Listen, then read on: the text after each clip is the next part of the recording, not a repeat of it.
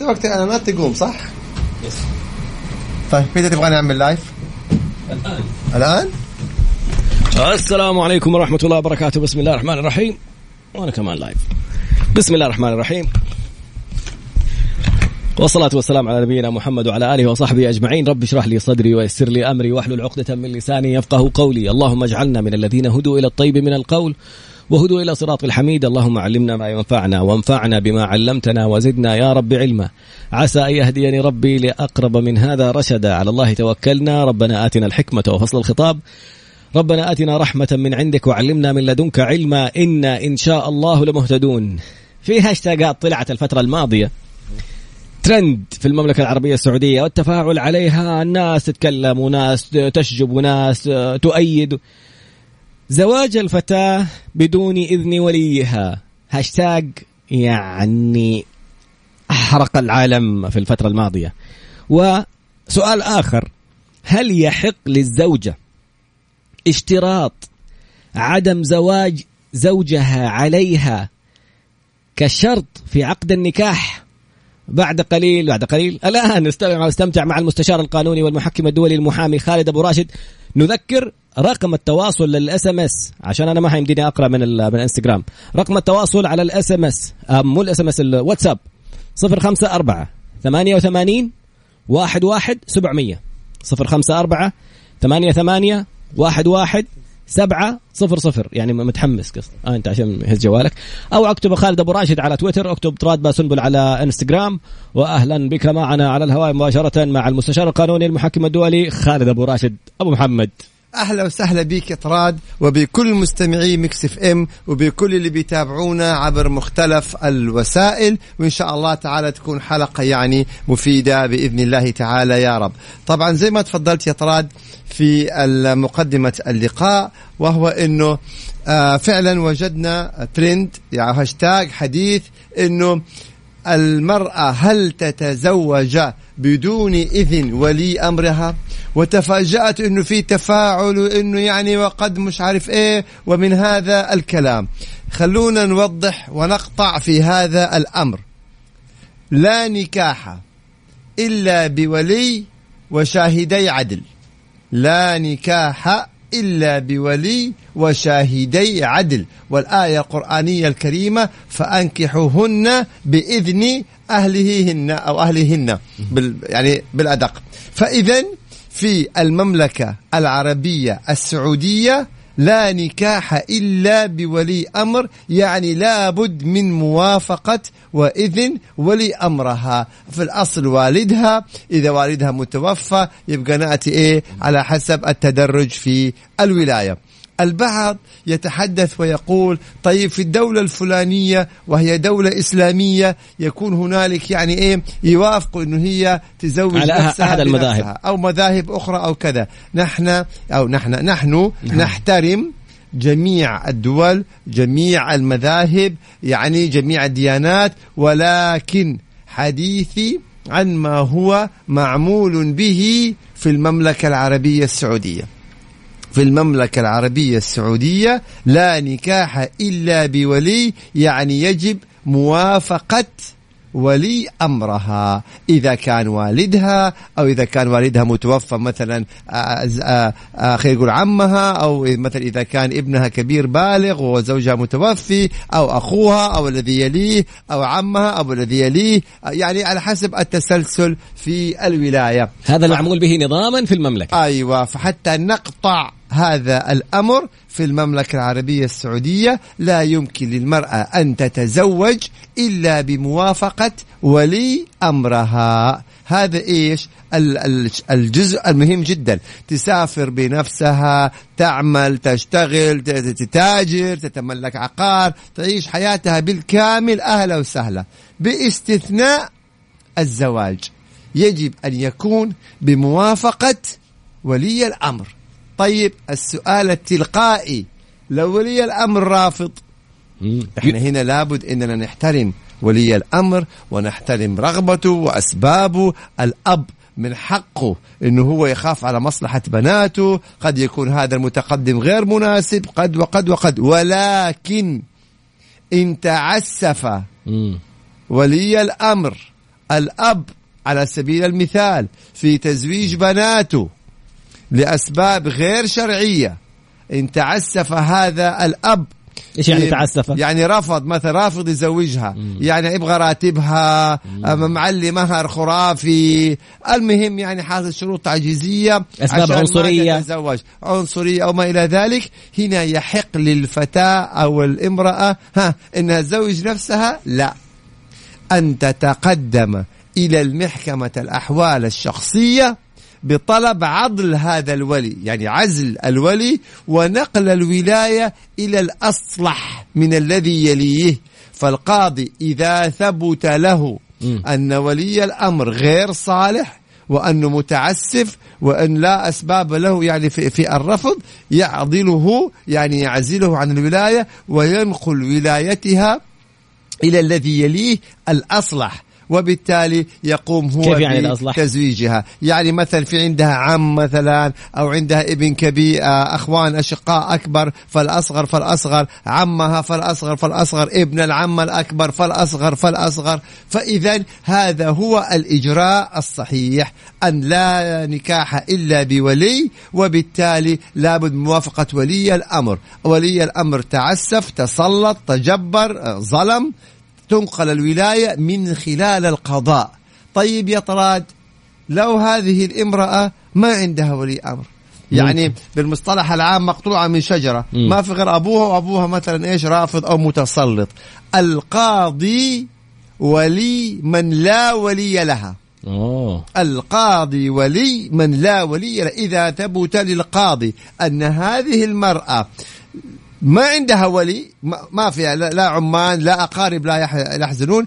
هنا القاضي وليها ويحكم لها أو يعني يأذن لها بالنكاح. فأرجوكم لا تنساقوا خلف الهاشتاجات يطراد والترندات وإحنا خلاص وأصبحت الواحدة تزوج نفسها. لا وألف لا. هذا الشرع وهذا المعمول به في المملكة العربية السعودية. نرجع نقول في اختلافات في المذاهب في دول أخرى بتأخذ علاقة فيهم إحنا نظاما في المملكة هذا المعمول به مم. يعني نظام مستقى من الشرع في اختلافات في مذاهب أخرى ممكن يكون يحل لهم يتعاملوا فيها في دول أخرى لكن عشان لا يصير شيء مخالف للنظام لأنه إذا كان صار شيء مخالف للنظام واحدة زوجت نفسها بدون إذن ولي إيش يصير؟ التعزير شرعا. هي على العريس على الشهود. والمعازيم لربما أيضا. في استرداد مهر؟ يعني حنشوف طيب. فاذا هنا في سؤال بيقول الغداء على مين اليوم؟ كالعادة علي. يعني لا لا استنى استنى استنى إحنا لايف على الهواء لا لا بس عشان أقول معلومة. الشق الثاني ما في معلومة. نيجي للشق الثاني حتى في الموضوع. وهو طيب يا طلال انتهينا من جزئية إنه يعني خلاص لا نكاح إلا بولي حديث الرسول صلى الله عليه وسلم. وبالتالي اذا إيش؟ المسألة هذه مبتوت فيها بأمر الله تعالى. طيب نأتي للجزئية الثانية وهي الشروط في عقد النكاح مم. إذا يعني واحدة تقول شرطي لما أتزوج إنه ما يتزوج علي هل هذا شرط جائز؟ هنا السؤال إحنا اتفقنا إنه الشروط ملزمة ولكن هل يحق للمرأة أن تشترط على زوجها أو مثلا خطيبها في عقد النكاح أن لا يتزوج عليها هنا خلينا نتحدث عن الشروط في عقد النكاح. البعض يلبس عليه الأمر. البعض يقول يا أخي أنت تحرم ما أحل الله؟ مثنى وثلاثة ورباع. كيف تحرم ما أحل الله؟ هذا شرع. طيب السؤال أنا حأجيب بسؤال آخر. م. هل يجوز للمرأة أن تشترط في عقد النكاح أن لا يمنعها الزوج من إكمال دراستها؟ طبعا. طبعا. يجوز حتقول لي جميل. هل يجوز للمرأة أن تشترط في عقد النكاح على الزوج أن لا يمنعها من العمل؟ أن تتوظف حقها. طيب. هل يجوز للمرأة أن تشترط على زوجها أن يكون لها سكن خاص أو مثلا سائق أو خادمة أو منزل مستقل؟ يجوز. طيب. طالما هل هل إنه يحق لها مثلا تتنازل عن حاجة من حقوقها؟ جاي لك الآن. اذا طالما يحق لها انت بتقول لي انه يحق لها تشترط انه يكون لها سكن مستقل. أو يحق لها تشترط انه يكون لها آه أن أن لا يمنعها من العمل أو لا يمنعها من الدراسة. طب ما هذه كلها أشياء يعني محللة تمام؟ والزوج من حقه إنه هو يمنع زوجته أو يأذن لها أو يوافق لها. فقبل بهذه الشروط اذا أن تشترط الزوجة أو المرأة في عقد النكاح أن لا يتزوج عليها هذا ليس تحريم. هذا ليس تحريم. هذا اتفاق المؤمنون على شروطهم. على شروطهم. ما لم شرطا يحلل حلالا أو يحرم يحلل حراما أو يحرم حلالا. إذا يحق للزوجة أو المرأة أن تشترط في عقد النكاح على زوجها أن لا يتزوج عليها. يا سلام هنا الأساتذة بيكملوا معانا. وهو حر له الحق أن يقبل وله الحق أن يرفض. إذا هذا ليس تحريم وإنما هذا اتفاق. يعني ولو أخل في الاتفاق يعتبر العقد فاسد يا سلام عليك. لو أخل بهذا الاتفاق هل يعتبر عقد النكاح باطل؟ مم. هذا السؤال مهم جدا. لو كان في شروط بين الزوجين وأحد الزوجين أخل بهذه الشروط هل يعتبر في هذه الحالة عقد النكاح باطل؟ لا. عقد النكاح صحيح. متى okay. ما اكتملت أركانه من إيجاب وقبول وولي أمر وشاهدي عدل فإن عقد النكاح صحيح ما يبطل اللي يقول يبطل العقد لا غير صحيح عقد النكاح صحيح ومن أخل بالشرط يحق للطرف الثاني. فسخ هذا النكاح يعني يعني okay. إذا الزوج قلت لك ما قلت لك ما حتزوج وتزوجت. إذا مثلا قبلت أن لا يتزوج وتزوج. أشت- قبل أن تعمل ثم منعها من العمل. قبل ت- آه، تكمل دراستها ثم منعها من الدراسة. هنا يحق للزوجة أن تقيم دعوى فسخ عقد النكاح في محكمة الأحوال الشخصية. وتوضح لفضيلة القاضي أنه أن هذا بالشرط. الزوج أخل بالشرط المثبت في عقد النكاح فما يصير في عوض ففي رجع. هذه الحالة يا سلام يا طراد أستاذ كبير يقوم القضاء. بفسخ عقد النكاح دون رد المهر إلزام الزوجة بإعادة المهار. إذا الجزئية الأولى أنه لا نكاح إلا بولي وبالتالي لا يحق للمرأة أن تتزوج بدون إيه؟ موافقة ولي أمرها. هذا واحد. اثنين اتفقنا إنه يحق للزوجة أن تشترط في عقد النكاح أي شروط أي شروط. طالما ما فيها ما تحرم حلال أو تحلل حرام فأي شروط يعني يحق لها أن تثبتها في عقد النكاح وهذه الشروط ملزمة للزوجين. طيب هنا إذا الزوجة ساعدت زوجها في عمل تجاري واشترط عليه أن تعود الأرباح عليهم هذه ما تنحط في عقد النكاح هذه يكون اتفاق آخر. طيب نأتي للجزئية الثالثة اللي هو الحديث يا. يجيب حديث. طيب الزوجية الزوجية. الجزئية الثالثة العوض.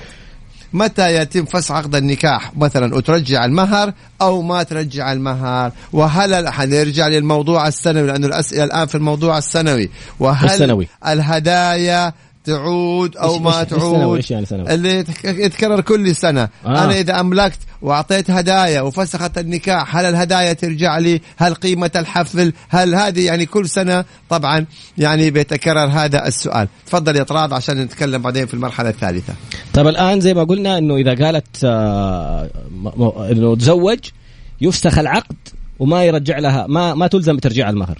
أيوه نعم. طيب بس يعني نقطة مهمة قبل ما نروح على فاصل بسيط. الأسبوع الماضي أنا ركبتني حق وقلت لي مدري إيش عشان التويتة الأسبوع اللي قبله سيد فيصل الكاف. الأسبوع اللي قبله أنت اعترفت بنفسك إنه هذه ثاني مرة متتالية أعزمك الأسبوع اللي قبله برضو بالنسبة كنت أنا. يعني؟ أيوه يعني بس عشان لا تفكر. هذا طيب. اي عشان الحين نروح الفاصل. وتقول لي من أول على الهواء على الهواء. نروح فاصل. إحنا جالسين يعلق ويقول لك خليه يكمل. أي. بعد قليل. بعد قليل. طراد راح يسوي الإعلانات. عدنا مرة أخرى مع المستشار القانوني المحكم الدولي محامي خالد أبو راشد وحلقة تعرف حقوقك كل خميس ومحدثك طراد باسنبل خلف خلف ال mic وال control من الناحية الثانية. يعني عشان تعرف أكثر أحسنت, أحسنت. والله حبيت السؤال. هل يجوز للمرأة إنها تطلب إنه يطلق زوجته الأولى عشان يتزوجها؟ اشتراط حتى نجيب على هذا السؤال خلونا نرجع للنقطة الثالثة وبعدين السؤال الجميل هل يحق للزوجة الثانية أن تطلب من زوجها أن يطلق زوجته أو العكس. هنا طبعا ما راح أجاوب الآن. أول شيء حنتحدث عن المهر و آه مسألة العودة في المهر. شوفوا دائما السؤال هذا يتكرر. أول شيء أنا إذا رفعت دعوة طلاق على زوجي هل أعيد المهر أو ما أعيد المهر؟ هل القاضي يحكم علي بإعادة المهر أو عدم إعادة المهر؟ هنا خلونا نتفق على أنه إذا أثبتت الزوجة إذا أثبتت الزوجة أن طلبها فسخ النكاح لأسباب تعود للزوج يعني لتقصير من الزوج هنا يحكم القضاء بفسخ عقد النكاح ودون أن تعيد المهر. ثاني ثاني. واضحة؟ لا. تمام. إذا الزوجة رفعت القضية في المحكمة. وأثبت بفسخ النكاح وأثبتت للقاضي أنه الزوج هو السبب يقصر في النفقة يشتم يضرب يعني أي قصور من الزوج في هذه الحالة القاضي يحكم بفسخ النكاح وما في إعادة مهر وما في إعادة مهر طيب إذا الزوجة ما عندها إثبات طلبت إنه تفسخ نكاحها ولكن ما عندها إثبات إنه هو قصر إنه ما تبغى. خلاص هنا القاضي يحكم بالخلع وتعيد المهار. عملا بحديث الرسول صلى الله عليه وسلم أتردين عليه حديقته. إذا الفسخ أو القائم قائم السؤال أو الفيصل. إذا أثبتت أنه سوء منه حيصير الفسخ النكاح بدون إعادة المهر. إذا ما استطاعت أنها تثبت القاضي يخلع وإلزامها أنها تعيد المهر. هذا فيما يتعلق إيه؟ العكس. لو جاء الزوج وقال طيب أنا أبغاها ترجع لي مثلا إذا هي تبغى فسخ النكاح ترجع لي مهري. هذا حقه إذا كان بسببها وترجع لي قيمة الحفلة. حفل الزواج. وترجع لي الهدايا اللي أنا أعطيتها هي. وترجع لي تكاليف العشوات والغدوات اللي كنت أعزمها في المطاعم. لا. أيوة. في كثير يطالبوا كذا. كثير جدا. يطالبوا البعض طالب بتكلفة سفرة كمان. إنه سفرها راح ورجع يبغى يرجعها السفرة هذه. يقول لك أنا إيش ذنبي؟ حجزت لها تذاكر وسافرنا وتكلفنا وفنادق والآن تقول لي طلقني. طب ما انبسطت أنت كمان. فاذا الذي يعود هو المثبت في عقد النكاح. أوه في ناس يقول لك حط ريال وهو دافع 20 30 50 أيوه الذي يعود أو يطالب بإعادته ما هو مثبت في عقد النكاح أو إذا اتفقوا على خلاف ذلك. بالاتفاق أهلا وسهلا. يمكن المهر كان 30 ألف وجات قالت له يا أخي أنا أدفع لك مليون. وأفسخ طلقني خلاص. عجيب. إذا اتفقوا برضا الطرفين مم. نعم يحق. إذا ما اتفقوا والوصل والأمر وصل إلى القضاء إذا المثبت في عقد النكاح. هنا بيقول هل المصروف من الزوج يحق مطالبته؟ أبدا. فقط لا غير المثبت في عقد النكاح. فقط لا غير. إلا باتفاق الطرفين. أما النفقة والهدايا والحفلة للزواج كل هذا يعني لا يدخل في المهر وبالتالي لا يعود.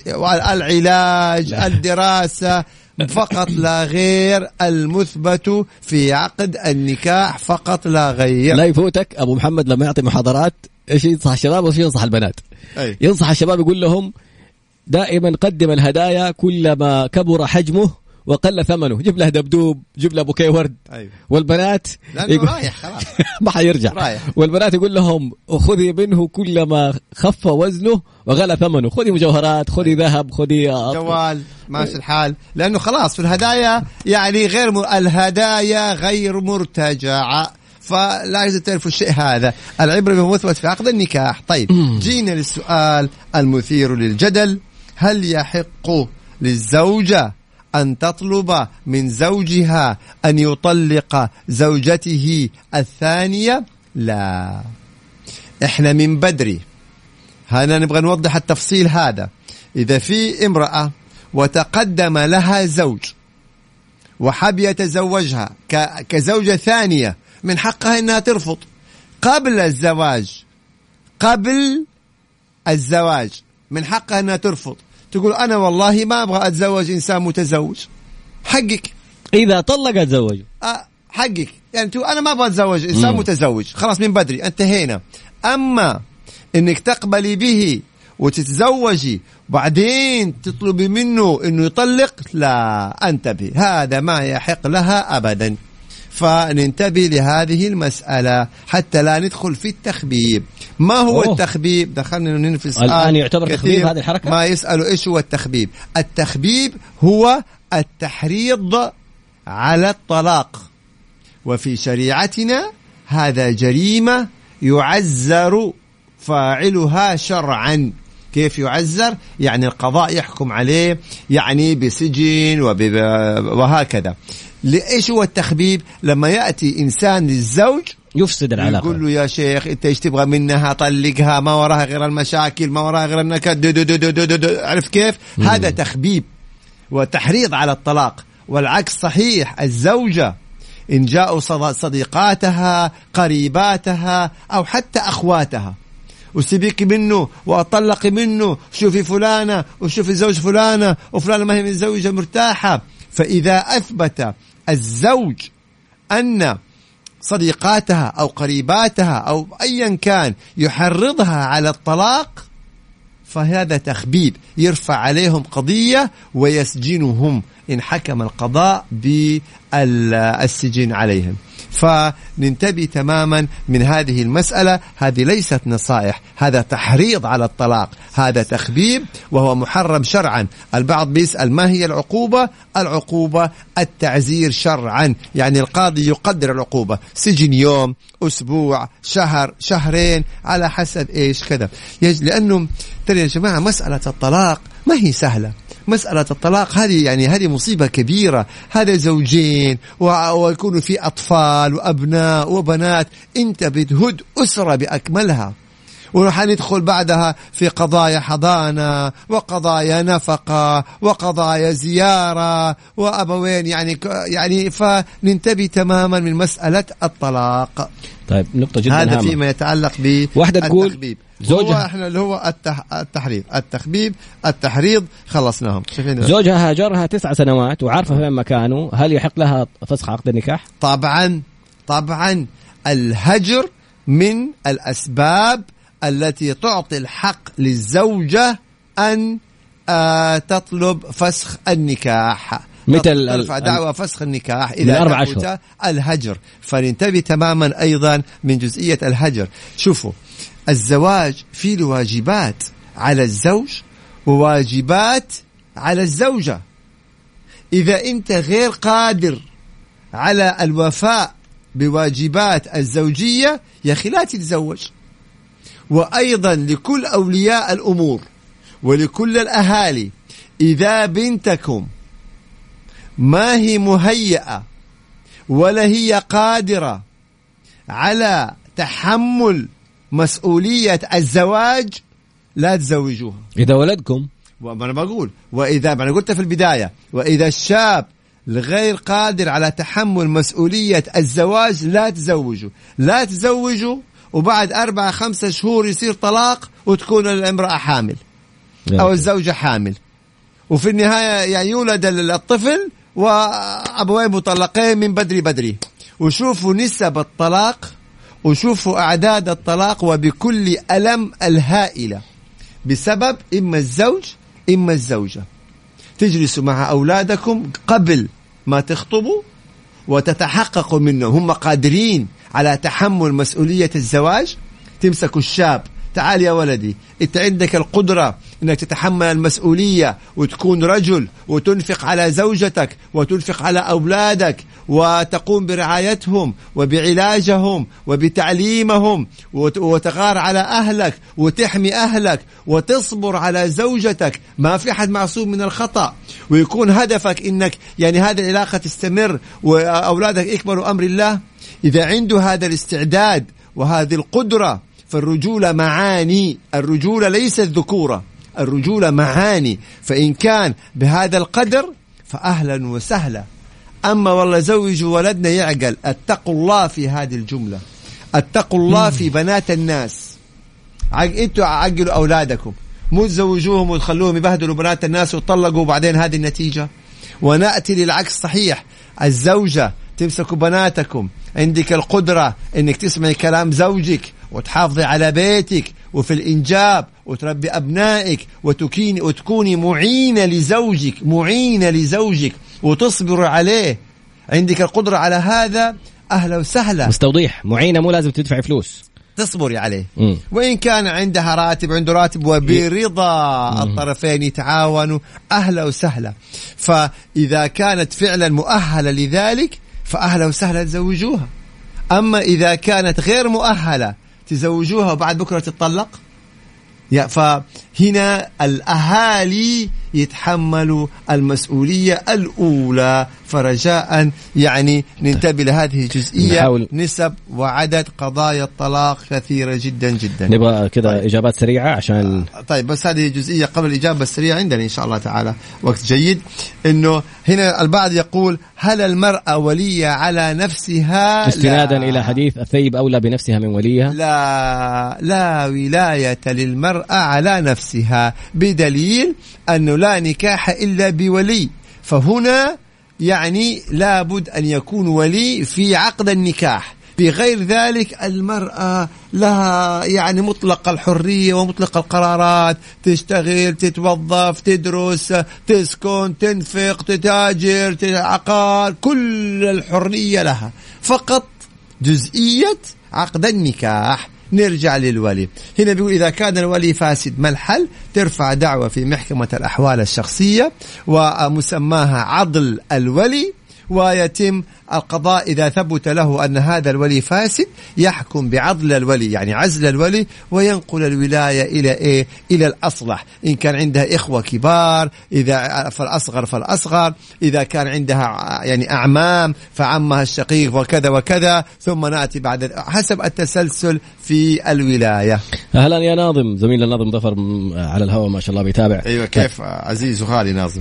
آه حتسمع صوته في الخطوط السعودية قريب إن شاء الله. طيب. جاوبنا على الهجر. الزواج من شوف الزواج من شخص غير سعودي. وتقول لك أبويا كان رافض بعدين وافق.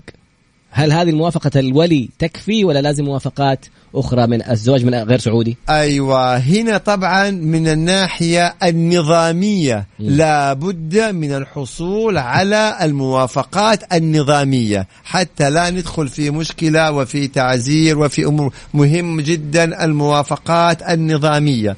لا شخص يعني واحد يقول يا أخي طيب ليش؟ أبوها يعني موافق. إنه أنا عشان أتزوج غير سعودي أو السعودي عشان يتزوج غير سعودية لازم موافقات. طيب نفس الأمر في الدول الأخرى. لما مواطن من دولة أخرى يحب يتزوج مواطن من دولة أخرى يتطلب موافقات. هذه دولة ولها الحق في التنظيم وهذه يعني تنظيمات صادرة من ولي الأمر. فعلينا الطاعة والأخذ بهذه التنظيمات. يجب الحصول على الموافقة أولا قبل الزواج من غير سعودي. وإن حصل يعني بدون موافقات ترى والله فيها مشاكل. وإن صار إنجاب مشاكل أكبر وأكبر. فلا نتسرع ولا نتهاون في هذه الأمور. طيب أنا مطلقة وعندي أطفالي وأبوي خرجني من البيت. والآن جاي واحد يتزوجني وأبوي رافض. أصلا أنا عايشة برا يعني لحالها مع أبنائها. فهل يحق لوالدها أنه يرفض؟ أنه هي تتزوج شخص ثاني وهي أصلا عايشة برا إحنا نبغى نشوف أسباب الرفض. أولا ليش رافض؟ قد يكون هذا الذي تقدم شخص غير صالح.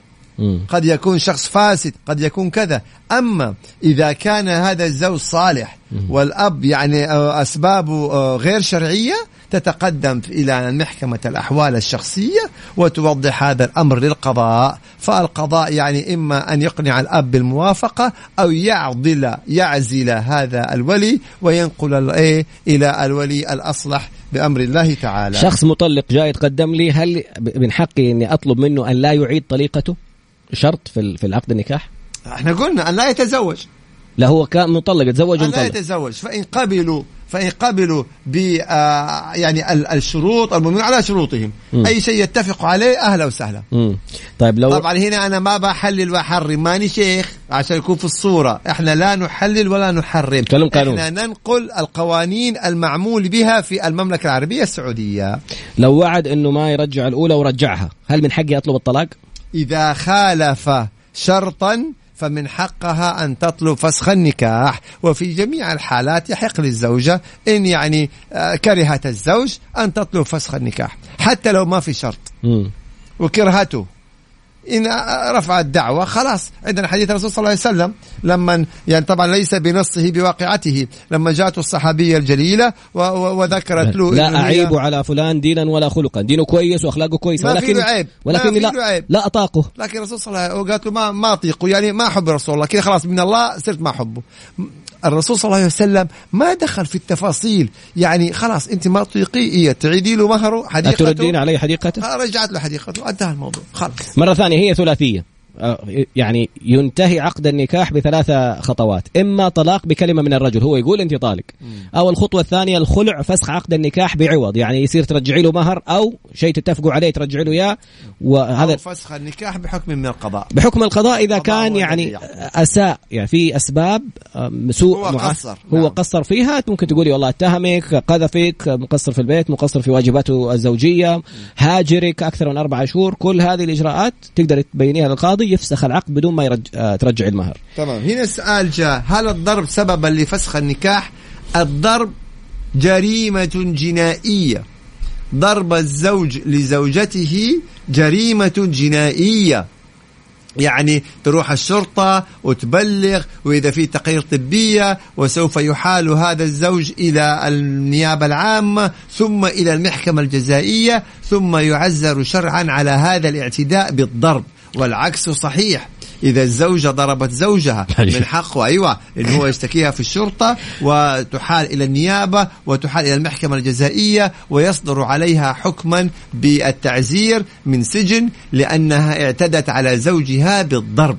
هذا إيه جريمة جنائيه غير إنه طبعا سببا إيه مشروعا لفسخ لفسخ النكاح. يعني تاخذي التقرير الطبي أو في خطوات على فكرة. تروحي للشرطة أول؟ الشرطة يعطوك تق... آه تغيير طبي تغيير خ... طبي. الشرطة على هي خطوات.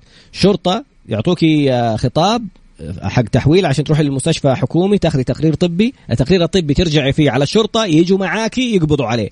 ما انت قادرة تخرجي من البيت؟ 911 أو 999 في باقي يا المناطق ولدي إنجليزي. لا عشان في المنطقة الغربية 911 بالإنجليزي يعني. اي طيب. تنطق كذا أنت بلاش أنت أنت معزوم ثلاثة أسابيع ترى جالس تقول يا. للناس إنك عازمنا.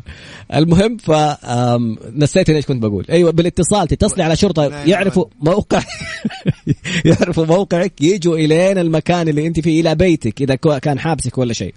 النقطة الثانية واحد راسل سؤال. شكلنا حنختم فيه نطلع الفاصل. واحد يقول لك هي محكمة ولا محكمة؟ كيفي؟ قل له كيفي. الثاني يرد عليه طيب. يقول لك مساء كل حاجة حلوة تشبهكم. شوف ال... هذا الكلام الطيب بارك بعد. قليل. يا أخي من زمان ما حد مدحنا يا طراد والله. هي طراد إنجليزي يعني لغات يعني يعني يتكلم بالإنجليزي. طب شوف الناس اللي يعني إيه اللي تقدر. هو يقصدني بس جمعك معي. والله جزاك الله خير. بارك يا الله حبك ال- المديح كذا المهم سؤال ثاني يقول هل تؤخذ بالواتساب؟ كيف دخلت؟ السلام عليكم ورحمة الله وبركاته. طراد باسنبل معك خلف ال mic وال control من مكس اف ام. اعرف حقوقك. مستشار القانوني محكم الدولي المحامي خالد أبو راشد. عشان الناس قصدك بعد الفاصل اللي ما هم عارفين تفضل أستاذ. هل يؤخذ برسائل الواتساب كدليل؟ في الجرائم المعلوماتية نعم كدليل.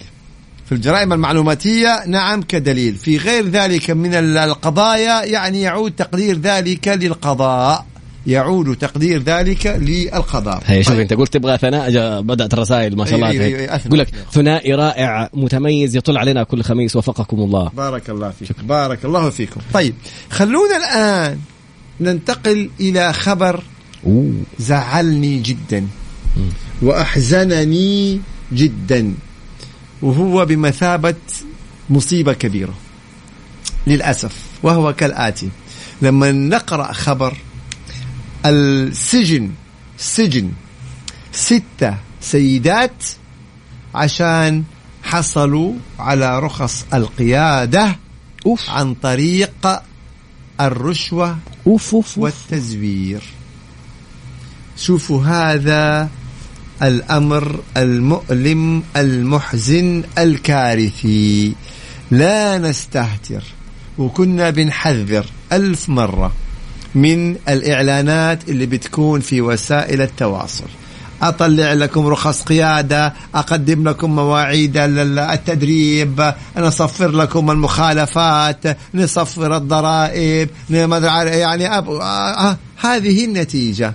إنه ستة سيدات يعني أكيد كل واحدة مستقلة يعني قضية مستقلة. يعني اللي اتفقت مع فلان أو مع فلان يعني عشان يطلع لها الرخصه بطريقة ما أو من هالقبيل وهذاك أخذ مبلغ. الستة السيدات حكم عليهن بالسجن.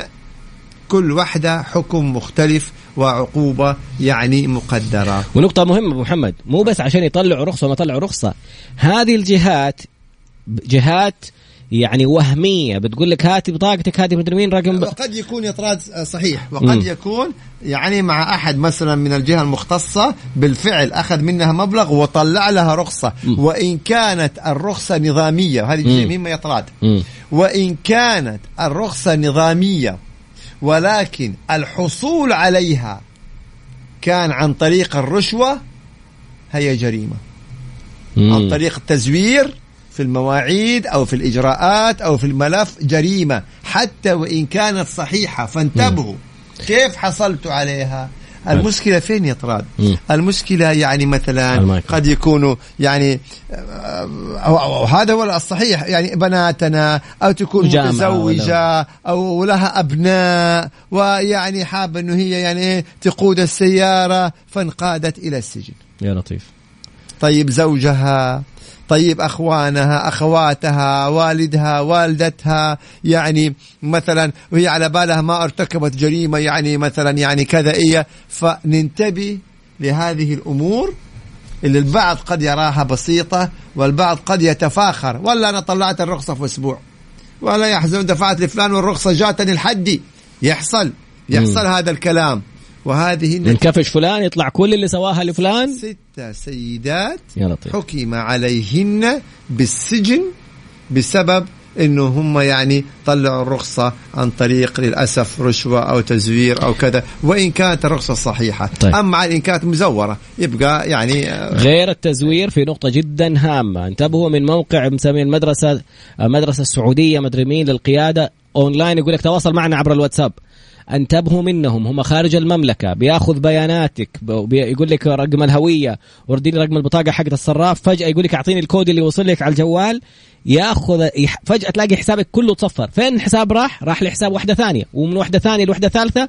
وممكن يقبض عليكم بتهمة غسل أموال. ترى هذه النقطة كمان مرة مهمة أبو محمد يعني أحد الاشخاص في الإمارة بيقول كمية القضايا خرافية على الناس اللي يقول لك تجديد المدري معلومات تحديث معلومات البنك مدري إيش واعطيني رقم اللي يجيك الباسورد فجأة تلاقي فلوسك كلها طارت. أيضا ملاحظة مرة مهمة البعض يسميها أتعاب.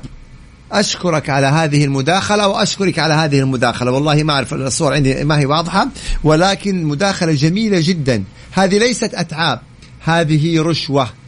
الأتعاب لما يكون عندك مكتب مستقل ولست موظف في دولة ومن أصحاب المهن الحرة هنا أنت تتقاضى أتعاب أما أن تكون موظف في جهة الحكومية وهذا واجب عليك وتأخذ لي رشوة وتسميها أتعاب هي رشوة.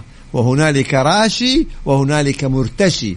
وهنالك رائش الرائش خالد أبو رائش اللي هو إيه؟ يعني يتوسط بين ده هذا في عملية الرشوة. فهذه النتيجة. ستة أحكام بالسجن على ستة سيدات عشان طلعوا الرخص عن طريق الرشوة والتزوير. أبو رايش طيب. أبو رايش ما حد يعرفه الا الناس هنا بيقول يعني يا أستاذ خالد حتى لو الرخصة صحيحة عليها عقوبة نعم.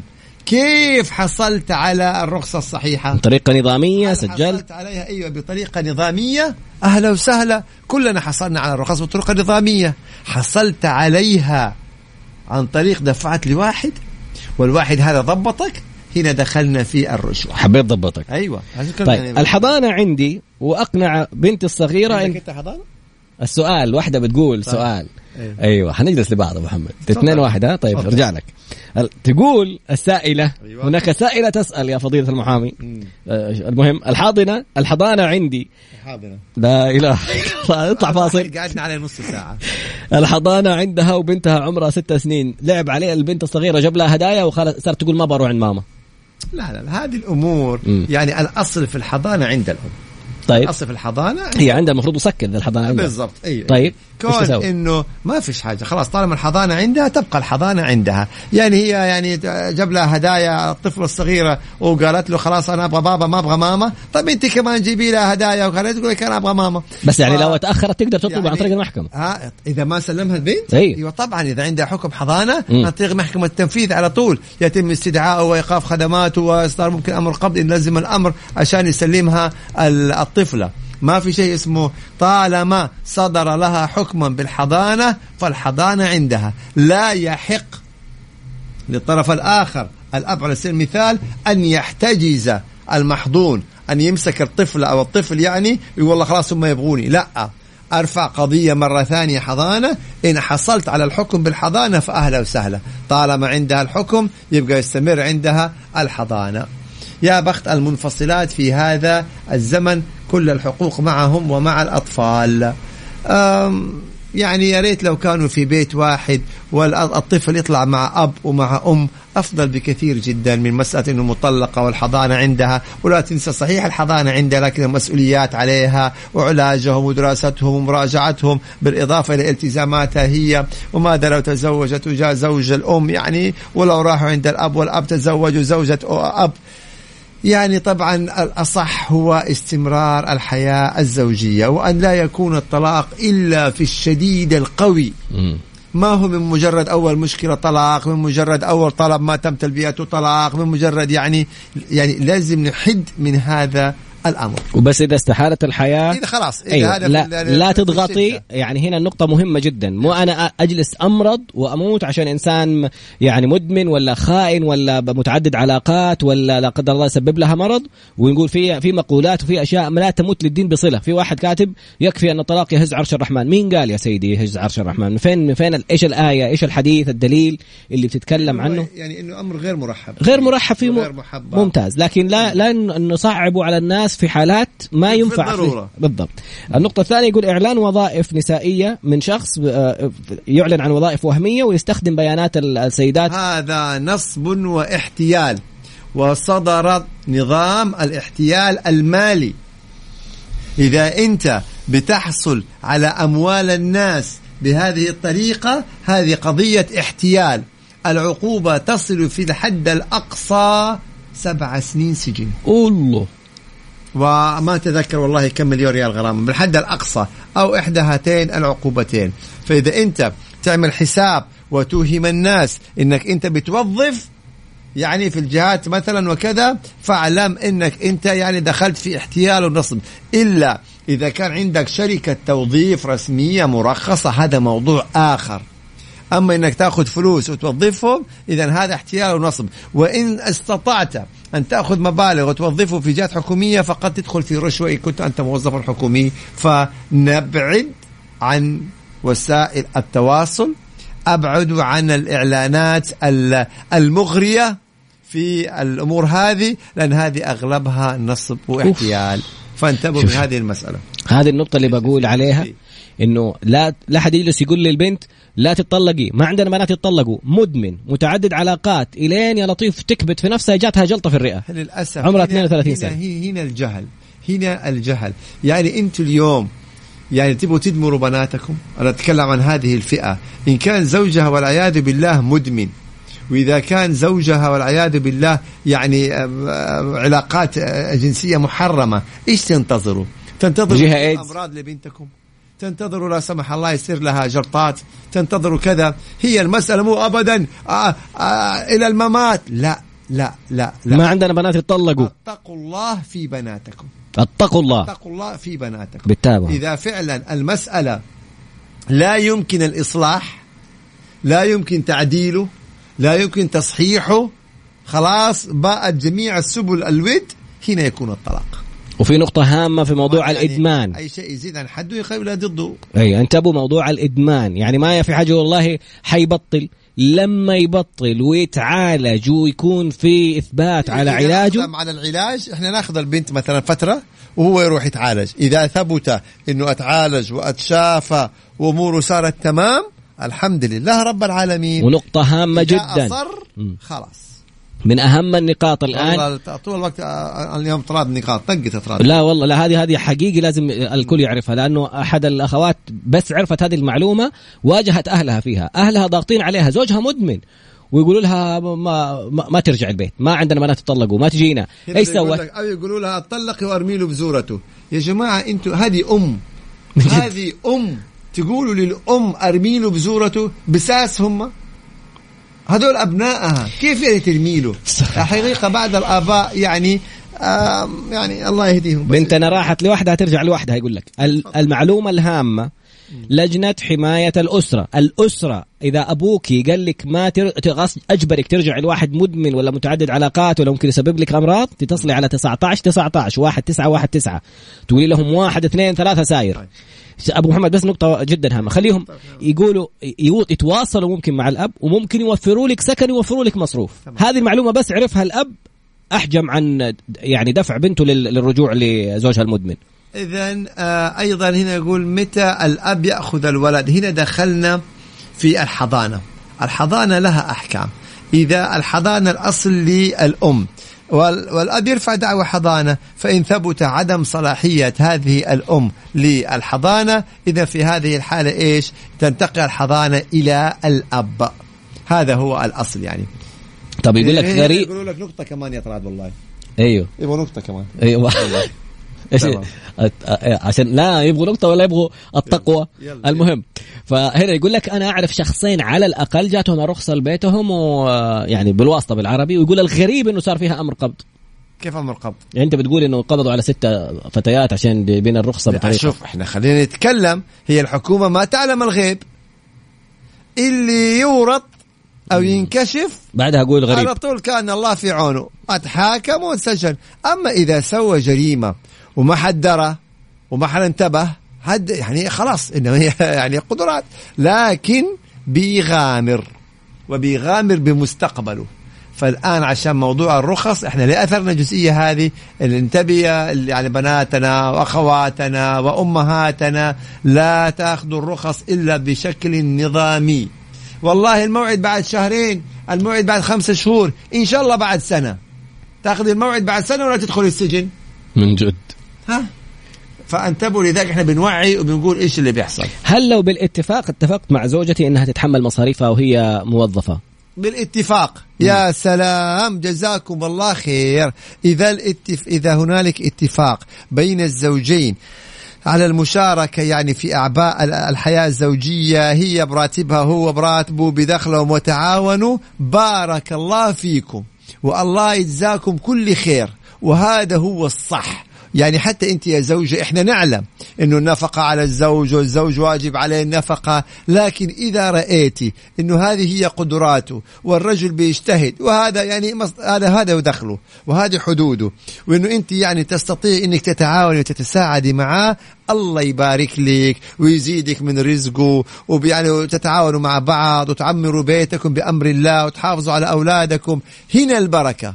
وهنا نقول جزاكم الله خير على هذا التعاون ونقطة هامة عشان نقط لك كمان مرة ثانية.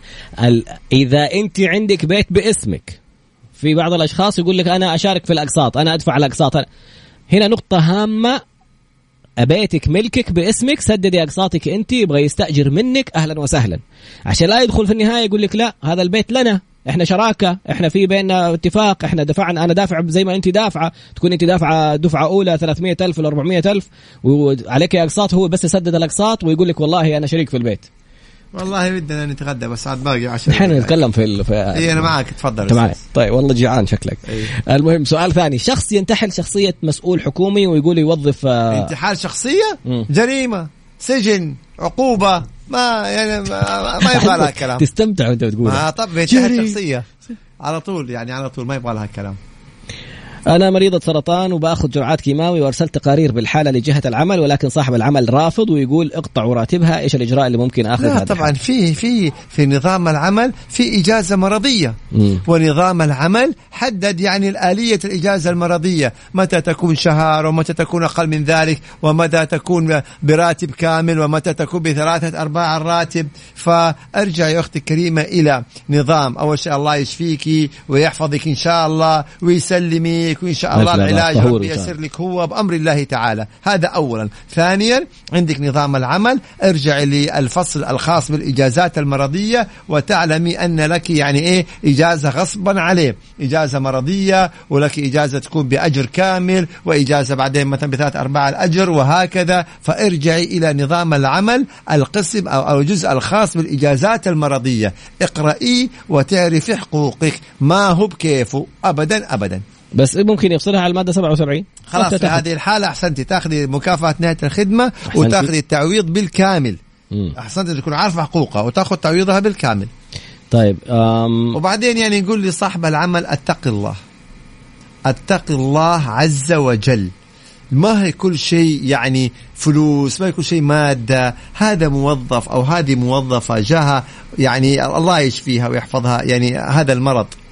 أنت يعني ما في قلبك رحمة؟ ما تتقي الله عز وجل؟ هل الأمور بس مادة قانون مادة قانون؟ في أمور إنسانية يعني ترى واحد ما يعلم الدنيا في المستقبل ها؟ ما يعلم. الله يسعدك لو تتكلموا عن التنمر في بعض المدارس وتوصل اللي توصل بعض الأحيان إلى مشاكل كبيرة جدا. يا ريت تفيدونا بهذا الموضوع عشان الكل يسمع.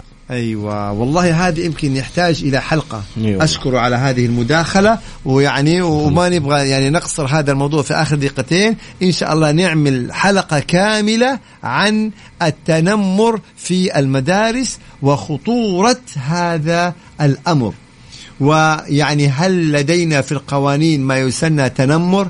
طيب كيف يعني مثلا يتم آه تصنيفها؟ ففعلا هنا بيتفقوا معايا إنه هذه تحتاج حلقة كاملة وأنا أتفق معاكم. خاصة التنمر في المنصة التعليمية كثير يصير. أيوه يا طراد أنا لاحظتها حتى في وسائل التواصل. مم. يعني مثلا عبر الأونلاين الأستاذ أو الدكتور يكون مثلا أحد الطلاب يعني يستهزئ. أخطأ أو كذا فيستهزئ به أمام الجميع. وغالبا التنمر بيكون حتى لو في الفصل الفصل أمام الجميع. بل يعني أنا ورد علي ما أعرف مدى صحته في في وسائل التواصل في تويتر. يعني شخص طبيب لا مو طبيب دكتور. آه، أكاديمي أو شيء من القبيل تنمر على شخص لديه تعلثم. تأتأ آه يعني صعوبة في النطق يعني. تلعثم. إيه. تعلثم. تعلثم ولا تلعثم؟ تلعثم. المختصر. المهم التقوى. أيوه المهم هذا هاي تفضل هاي. طيب يعني هذا يعتبر خلينا السؤال هذا الأسبوع الجاي. بس هنا السؤال الأخير. أنا طالبين مني أشتغل overtime أنت طالبين منك؟ السؤال أقول لك الأخير. ما, ما تجي ما هي. طيب. طلبوا منه يشتغل overtime وهو رافض. هل يحق له بس يمسك ثمانية ساعات إيه نعم. نعم. اي نعم. وإذا طلبوا منك overtime لازم يكون مكتوب. لو ما هو مكتوب وأنت اشتغلت أكثر من الساعات ممكن ما يعطوك الفلوس ويقول لك ما حد طلب منه. هو بنفسه جالس أكثر من الدوام. انتهت الحلقة سبحانك الله. تلعثم كمان تأيدوه في الغلط. هو ناقصين تكليج. سبحانك الله وبحمدك. يتنمر على الضيف. أش... والله بارك الله فيك. تعرف إنه هذه جريمة؟ لا إحنا إحنا نتكلم عن التنمر في الفصل أيوه. وقلنا آه، مشكلة. وعاد هذا يتنمر علي في الهواء.